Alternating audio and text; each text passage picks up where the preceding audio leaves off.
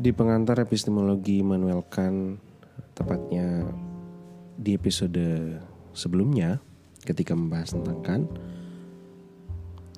saya pernah menyinggung tentang konsep ruang dan waktu dan bagaimana konsep ruang dan waktu dijelaskan oleh Immanuel Kant dalam pemikiran epistemologinya.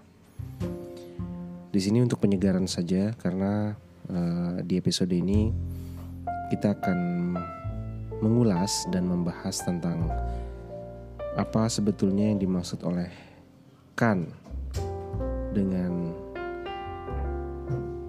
transcendental reflectionnya itu atau refleksi transcendental. Tentu saja untuk membahas refleksi transcendental kita memerlukan eh, episode sebelumnya bagaimana hierarki pengetahuan, hierarki proses pengetahuan dalam eh, konsep epistemologi Manuel Kant sangat membantu kita untuk berlanjut ke pembahasan tentang refleksi transendental ini. Namun sebelumnya untuk penyegaran kita ulas kembali tentang forma ruang dan waktu di mana ruang dan waktu dalam epistemologi Kantian merupakan forma yang kita gunakan untuk menyusun pengetahuan tentang dunia. Karena ruang dan waktu bersifat sebagai forma atau berfungsi sebagai forma, maka tentu saja ia tidak bersifat empiris sehingga tidak bisa kita alami dan juga melampaui konsep-konsep ya. Uh, karena apa? Karena ruang dan waktu adalah cara kita mengalami dunia. Kita bisa membayangkan sedang berada di dalam rumah, sedang berada di luar rumah, ya. Kemudian kita sadar bahwa uh, sore hari itu ditunjukkan oleh pukul berapa. Kemudian kita sadar bahwa ada yang kita sebut sebagai lama sebentar kemudian dan lain sebagainya itu karena sudah ada pengetahuan yang inherent atau tertanam dalam diri kita dan ia terpisah dari pengalaman atau berada di luar pengalaman. Kan berpendapat ruang dan waktu tidak bisa dipelajari. Kita tidak bisa memahami ruang dan waktu atau cara kita memperlakukan ruang dan waktu tidak sama ketika kita mempelajari suatu konsep dan suatu uh, fenomena misalnya. Nah, ruang dan waktu melampaui semua itu.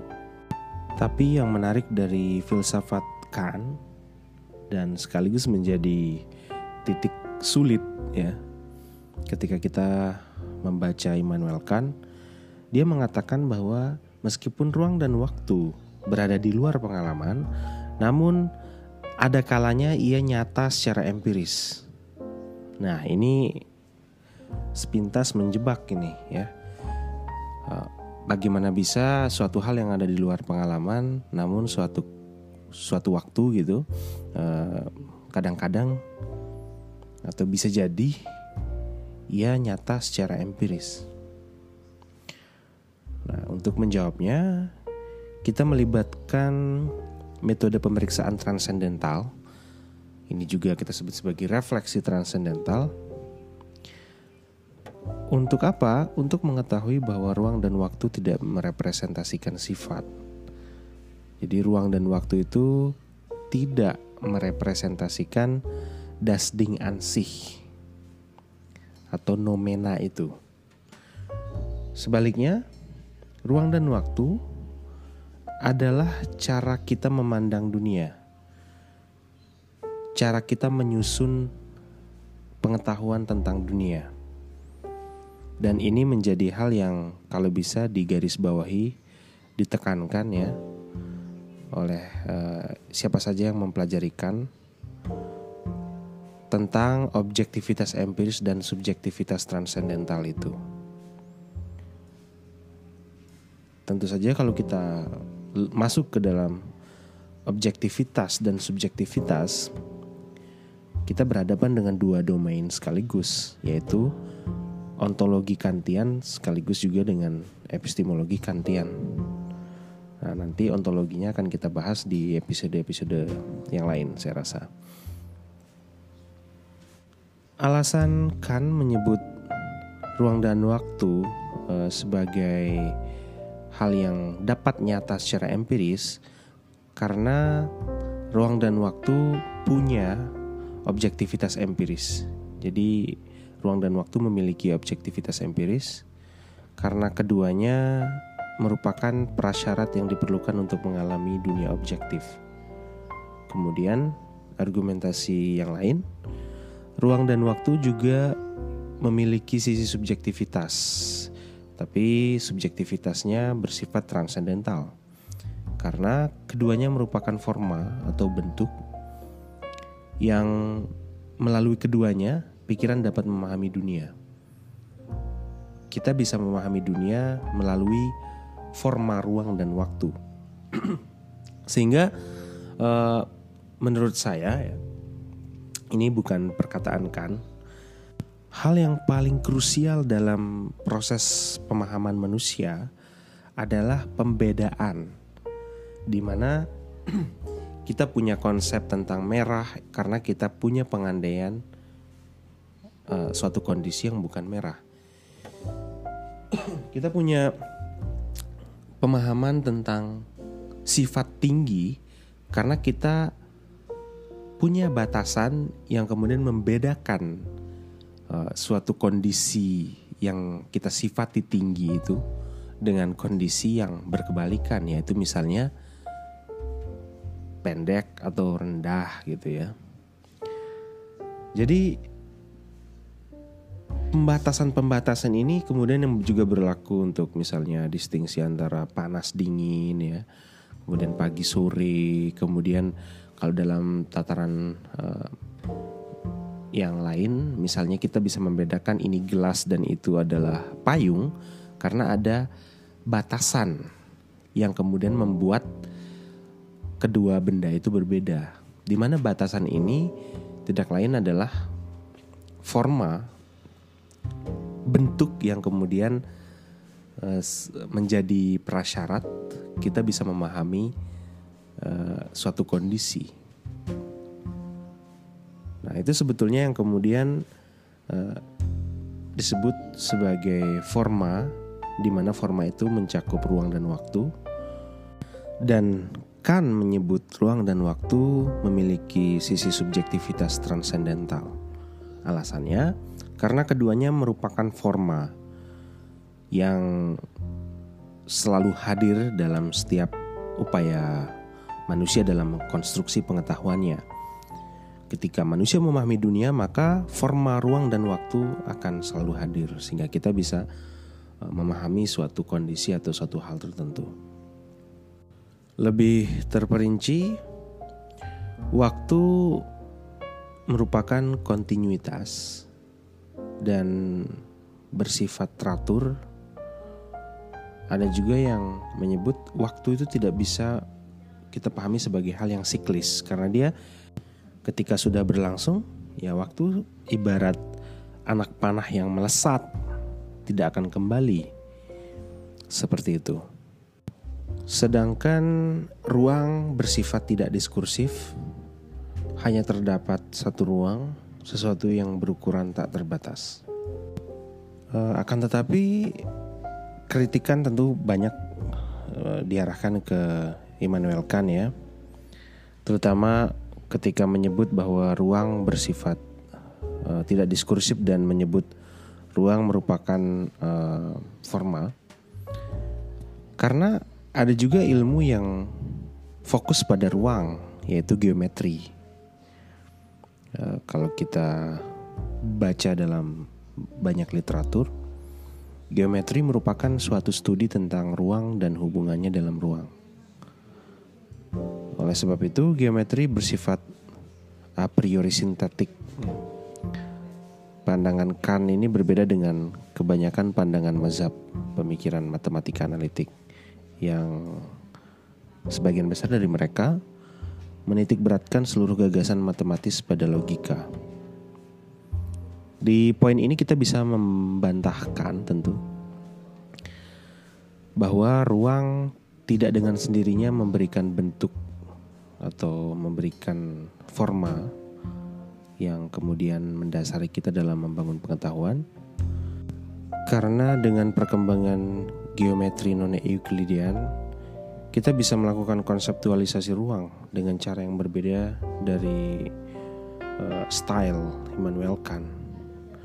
Karena geometri ala Immanuel Kant itu terbatas pada ruang Euclidean apa yang dimaksud dengan ruang Euclidean?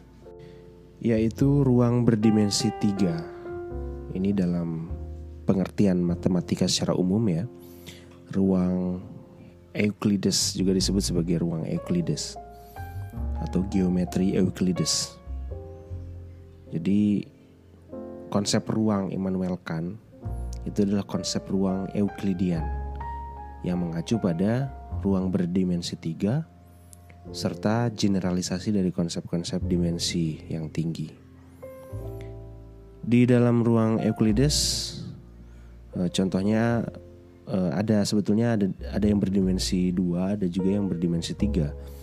Di dalam ruang Euclides dua dimensi, titik dinyatakan oleh pasangan terurut. Kita bisa menemukannya dalam eh, geometri-geometri sederhana. Ada sumbu X dan sumbu Y Bilangan yang menurut konvensi menyatakan horizontal sering ditulis sebagai X dan bilangan yang menyatakan vertikal ditulis sebagai Y. Gagasan ini sangat mudah ditemukan di dalam konsep ruang, terutama konsep ruang Euclid tiga dimensi di mana titik dinyatakan oleh pasangan uh, terurut ganda tiga atau X, Y, dan Z. Karena kalau hanya X dan Y, dia bersifat dua dimensi. Kalau X, Y, dan Z bersifat tiga dimensi. Jadi merepresentasikan ruang tiga dimensi. Dengan bilangan tambahan ketiga yaitu Z menyatakan kedalaman dan diwakili oleh Z ya.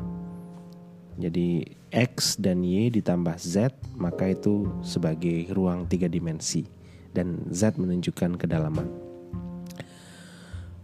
Penggunaan lebih lanjut uh, tentu saja berkembang ya dan tidak mungkin kita bahas di sini. Uh, silahkan nanti dibuka kembali bagaimana konsep-konsep ruang, hitung-hitungan ruang dalam uh, teori-teori matematika geometri.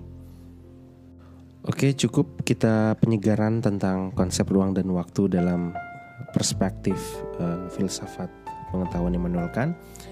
Sekarang kita membahas tentang apa sih sebetulnya dimaksud oleh Kant dengan refleksi transendentalnya itu. Dalam perkembangan filsafat yang sampai sekarang neo-kantianisme masih ada ya.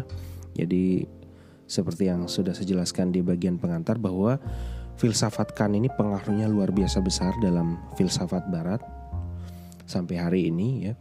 Dan refleksi transendental yang kemudian kita kontekskan ke dalam pemikiran Kant dipelajari secara terus-menerus oleh berbagai macam institusi filsafat. Mungkin di Indonesia juga dikaji juga oleh para sarjana-sarjana filsafat maupun filsuf filsafat di Indonesia jika jika mungkin filsuf Indonesia itu ada dan sekaligus uh, menjadi topik yang sering kali tidak selesai dibahas mengenai transcendental reflection ini. Uh, sekilas ya, ini uh, sekilas info refleksi transendental yang dimaksud oleh Kant sebetulnya merujuk pada instrumen yang inherent di dalam kesadaran kita. Jadi refleksi transendental ini tidak diupayakan melalui pengalaman. Itu yang perlu digarisbawahi. Dan saking krusialnya, saking uh, pentingnya refleksi transendental ini, kita posisikan sebagai instrumen. Tanpa instrumen yang kita sebut sebagai transcendental reflection ini, kita tidak mungkin bisa membedakan mana yang hanya sebagai representasi atau fantasi dan mana yang realita. Kita tidak bisa membedakan itu tanpa adanya instrumen refleksi transendental ini. Dan juga kita tidak mungkin mempunyai kesadaran. Di samping itu juga kita tidak mungkin bisa mengidentifikasikan fungsi dari jiwa manusia, dari human soul itu. Kemudian kita juga tidak bisa membedakan mana pengetahuan yang diturunkan dari pengalaman empiris yang kemudian kita sebut sebagai pengetahuan a posteriori dan mana pengetahuan yang bersifat a priori atau uh, penalaran langsung oleh subjek tanpa melalui pengalaman empiris. Sebetulnya konsep Kant tentang transcendental reflection ini sulit untuk kita pahami karena hampir dalam semua karyanya kan sangat jarang atau bahkan mungkin sama sekali tidak pernah menjelaskan secara eksplisit mengenai refleksi transcendental ini. Seringkali ia menjelaskannya secara implisit dan ini yang kemudian uh, menjadikan refleksi transcendental menjadi ambigu dan sangat multi interpretasi ketika orang menerjemahkan ataupun mengkaji tentang pemikiran-pemikiran Immanuel Kant. Beberapa Kantian kontemporer seperti Karin de Boer pernah uh, menulis bahwa refleksi transendental sangat-sangat kabur dan kita tidak bisa mengklaim bahwa penjelasan kita tentang refleksi transendental sama persis seperti apa yang dimaksudkan oleh Kant. Sebetulnya ini kalau kita dalam tradisi filsafat kita juga mengenal hermeneutik. Sah-sah aja ketika orang punya pemahaman yang kemudian melampaui Kant. Seperti perkataan Wilhelm Windelband, seseorang yang mempelajari Kant, maka ia akan melampaui Immanuel Kant. Ini sebetulnya menunjukkan betapa sulitnya filsafat Immanuel Kant. Saking sulitnya bukan berarti kemudian tidak berguna sama sekali, bahkan sangat berguna. Sampai sekarang filsafat uh, dengan dinamika perkembangan problemnya masih dipengaruhi secara signifikan oleh filsafat Immanuel Kant, terutama Eh, dari segi metafisika ya ataupun kritikan Immanuel Kant terhadap metafisika itu sendiri serta pemikiran Immanuel Kant tentang epistemologi seperti yang kita bahas uh, di episode sebelumnya dan episode sekarang. Melalui karya-karyanya sebetulnya bisa kita telusuri pemaknaan dari refleksi transendental yang dimaksud oleh Kant namun pertama-tama perlu kita perjelas apa yang dimaksud oleh Kant dengan istilah refleksi. Definisi eksplisit tentang uh, refleksi bisa kita temukan dalam The Ambivalence of Concepts of Reflection di mana di situ kan uh, menawarkan dua pemaknaan tentang refleksi ini. Yang pertama, dia sebagai the state of mind di mana kita pertama-tama atau sebagai langkah awal uh, subjek dalam membangun satu pengetahuan berangkat dari subjektivitas ya. Jadi kita berangkat dari kondisi subjektivitas di mana subjektivitas ini sangat berguna dan sangat menentukan untuk uh, ketercapaian suatu pemahaman tentang konsep. Kedua, yaitu kesadaran tentang relasi. relasi uh, antar representasi, relasi antar representasi yang bersifat terberi atau given representation yang hadir atau yang kemudian diterima beragam uh, sumber kognisi yang dimiliki oleh subjek.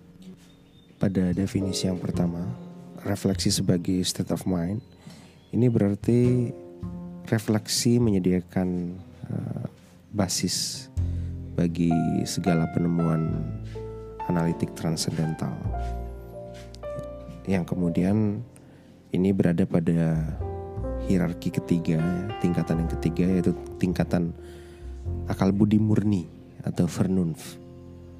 Sehingga subjek bisa mengkonstruk pengetahuan dengan mensintesakan yang a priori dengan a posteriori.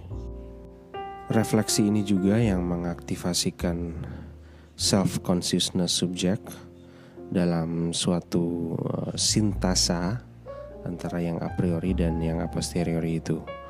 Dan tanpa refleksi ini, uh, sintesa itu menjadi impossible, menjadi tidak mungkin. Uh, di samping itu juga refleksi ini memungkinkan subjek atau individu untuk bisa tahu bahwa dia adalah dia, they are they. Uh, saya tahu bahwa saya ini adalah saya dan uh, yang lain bukanlah saya. Nah ini tentu menjadi hal yang sangat sangat uh, primer dalam aktivitas kita dalam proses pengetahuan, terutama pengetahuan eksistensial bahwa kita bisa mengenali diri kita sendiri dan yang lain itu bukan diri kita. Nah, sehingga kita sadar kita sedang eksis di tengah masyarakat, kita eksis di di tengah uh, eksistensi yang lain sehingga kita menyebut uh, eksistensi kita sebagai koeksistensi atau koeksisten dengan pengada yang lain atau keberadaan yang lain.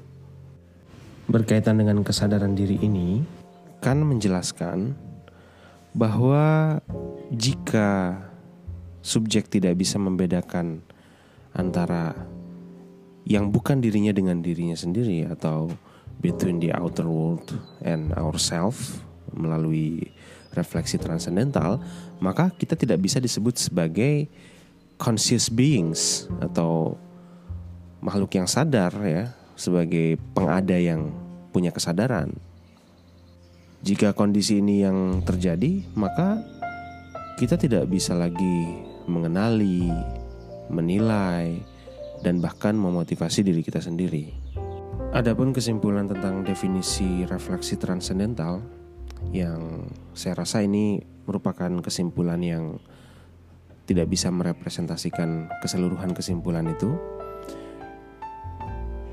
Jadi refleksi transendental berguna atau berfungsi untuk membedakan antara subjek dengan objek dalam setiap aktivitas epistemik kita bisa tahu ya kita di sini adalah subjek ya saya sendiri misalnya saya bisa tahu bahwa ada objek di luar diri saya itu karena adanya refleksi transcendental ini selain sebagai state of mind refleksi juga ditujukan untuk menjelaskan bahwa melalui refleksi ini kita bisa mengidentifikasi status representasi.